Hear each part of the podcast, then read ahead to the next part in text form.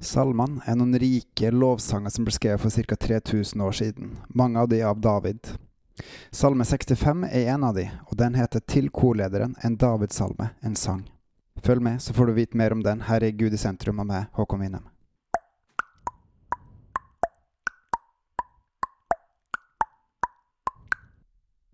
Salme 65 handler mye om hvor fantastisk Gud er, og det å opphøye og lovprise ham for det han er, og det han gjør.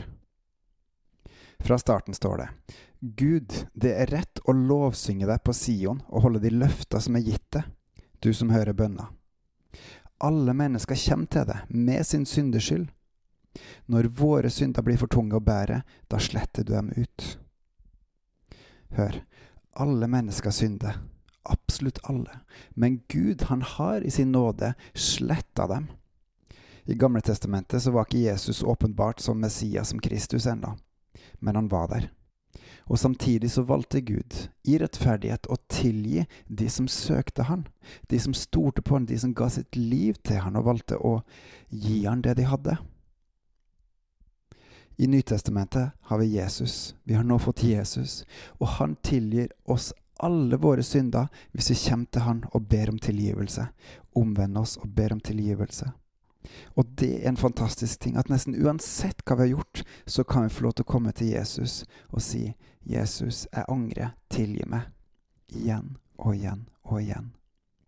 Og når våre synder blir for tunge å bære, da sletter han dem ut ved å gå til han. Videre står det, salig er den som du velger ut, så du lar han komme nær til deg og bo i dine tempelgårder. Vi mettes med det gode i ditt hus, med det hellige i ditt tempel. Ja, salige er alle de som får lov til å stige framfor Gud, himmelens og jordens skaper, Han som har gitt oss alt, og som sørger for at alt opprettholdes, og at alt skal fullføres. Han får vi lov til å stige fram for, bare i tru, trua på Jesus, at vi har blitt rettferdige gjennom han. Da er vi salige, hvis vi får lov til å gå inn i hans tempelgårder. Og alt det Gud gir, alt det daglige brødet og det levende vannet som han gir oss, det er godt. Det er det vi mettes med i Hans hellige tempel. Du bønnhører oss i rettferd med underfulle gjerninger, du Gud, som er vår frelser.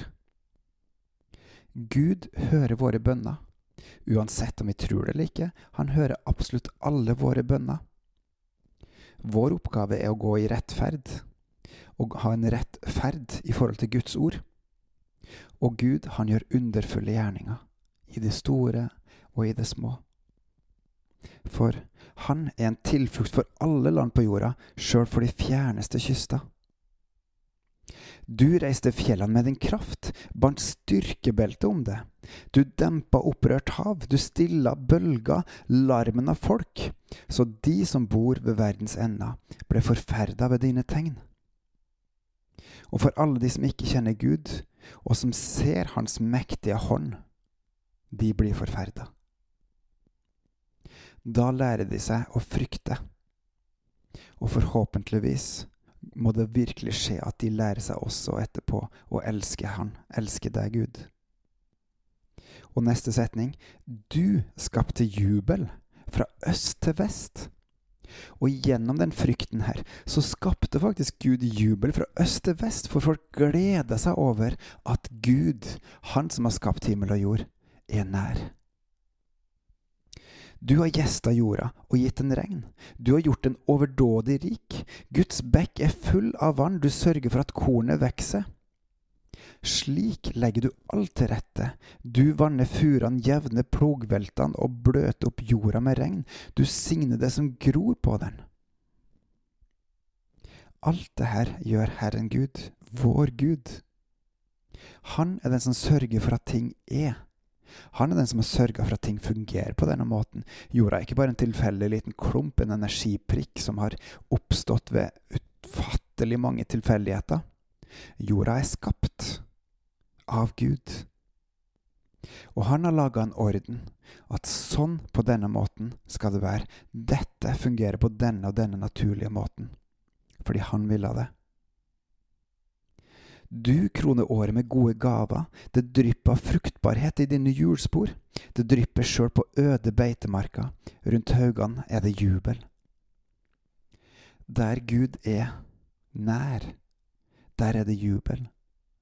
Det kan være over de jordiske ting at vi har det vi trenger rundt oss. Men det er også det at Gud, han tilgir oss vår skyld. Vi får lov til å stige fram for han. Og vi lærer å frykte han. Og gjennom det å følge han, så blir det jubel. Stor jubel. Hør på den lovsangen David her løfter fram. Markene er kledd med sauer og dalene dekka av korn. Det lyder gledesrop og sang. Der Gud er, er det godt å være. Der Gud tilbes, gir han velsignelser. Den største velsignelsen som finnes, er å kjenne Han, det som er det evige livet, gjennom trua på Jesus. Men han kan også velsigne her på jorda. Blant de som har en rettferd, blant de som følger Han, blant de som tror på Hans navn og går Hans veier. Kjenn Herren, bli fylt av jubel, også når du er full av synd, fordi Han renser deg for din synd, for at vi skal stå hellig og lyteløse framfor Han, vokst opp til Kristus som er hodet vårt, sånn at vi skal kjenne Han og hjelpe andre til å bli kjent med Han. Stig inn i Guds nærhet, stig inn i Hans fortempel. Gå inn i det aller helligste, og vær med Han tilbe Han og lær Han å kjenne, gjennom ånd og sannhet. På gjenhør.